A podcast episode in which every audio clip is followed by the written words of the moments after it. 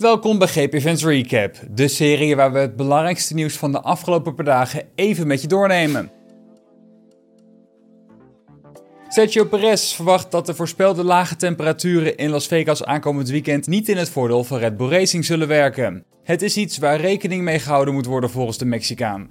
Naast dat niet iedereen gecharmeerd is van de grote show om de race heen, zijn er ook zorgen over het circuit en de weersomstandigheden. De koude temperaturen in combinatie met het nieuwe asfalt en het ontbreken van een voorprogramma kunnen ervoor zorgen dat de coureurs de banden nauwelijks op temperatuur kunnen krijgen, waardoor er mogelijk erg weinig grip is. Ik denk dat het iets is dat hier heel erg zal gaan spelen en iets dat waarschijnlijk niet in het voordeel van ons team zal gaan zijn. Zo doet Perez op de lage temperaturen, geciteerd door F1i.com. We moeten er rekening mee houden. Die dingen zijn heel moeilijk om te simuleren, ook omdat je niet weet met wat voor windrichting je te maken gaat krijgen. Er is heel veel dat je kan doen met de simulatoren van vandaag de dag, maar voor dit soort dingen moeten we kennis hebben. Het zal goed zijn voor het racen.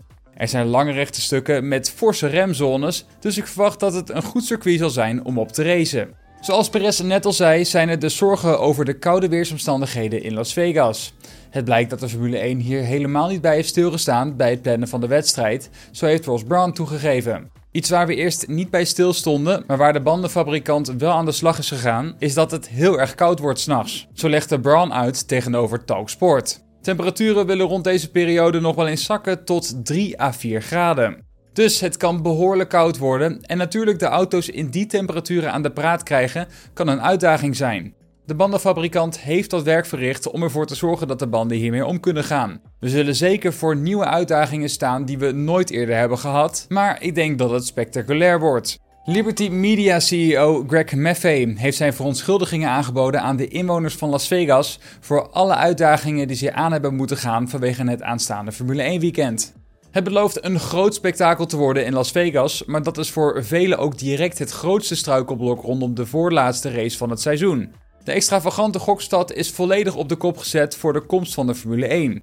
De wereldberoemde strip is al lange tijd deels niet meer toegankelijk en verschillende wegen zijn al weken gesloten. En dat is logischerwijs niet prettig voor de inwoners van Las Vegas, die door de komst van de Formule 1 al weken hinder ondervinden in hun dagelijks leven.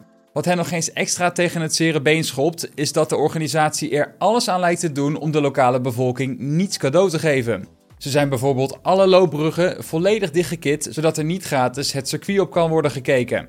Dit alles zorgt voor grote onvrede. Liberty Media CEO Greg Maffei heeft inmiddels op de ophef gereageerd. Ik wil mijn excuses aanbieden aan alle inwoners van Las Vegas en we waarderen het dat ze hun geduld bewaren en ons tolereren, zo citeert Fox 5. We gaan ongeveer 1,7 miljard dollar aan inkomsten naar het gebied brengen. Het is dus niet alleen in het voordeel van fans die willen kijken. We hopen dat dit een grote economisch voordeel zal zijn voor Las Vegas. Daarnaast hoopt Maffei dat deze eerste editie qua voorbereidende werkzaamheden direct de zwaarste zal zijn. En General Motors staat bij de FIA officieel ingeschreven als motorleverancier in de Formule 1 vanaf 2028. Dat heeft het Amerikaanse bedrijf laten weten via officiële kanalen. Het is al enige tijd bekend dat General Motors samen met Andretti een 11e Formule 1-team vanaf 2025 of 2026 wil vormen als Andretti Formula Racing LLC, waarbij 2026 gelijktijdig zou zijn met de invoering van een nieuwe set motorische reglementen. De FIA heeft de inschrijving van Andretti inmiddels goedgekeurd, maar ook Formula One Management moet nog groen licht geven. Hier lijkt de daadwerkelijke uitdaging te liggen, want de bestaande 10 teams zitten vanwege financiële redenen niet per se te wachten op een 11e team. Vanaf 2028 wil General Motors het Andretti-team dus van een eigen krachtbron voorzien.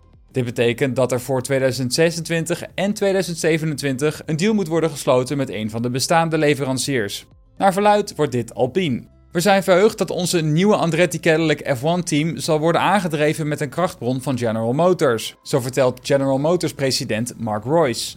Met onze expertise in het racen en ontwikkelen zijn we ervan overtuigd dat we een succesvolle krachtbron zullen leveren.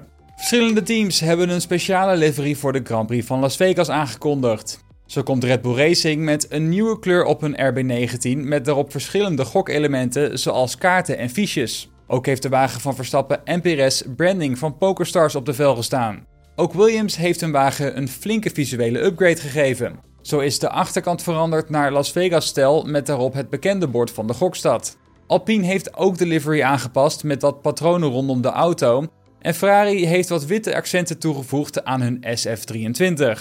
Ook hebben beide teams speciale raceoveralls aangekondigd voor dit weekend. Ja, dit was hem alweer, de GP Fans Recap op Spotify. Volg ons eventjes en dan zie ik jullie de volgende keer weer. Doeg!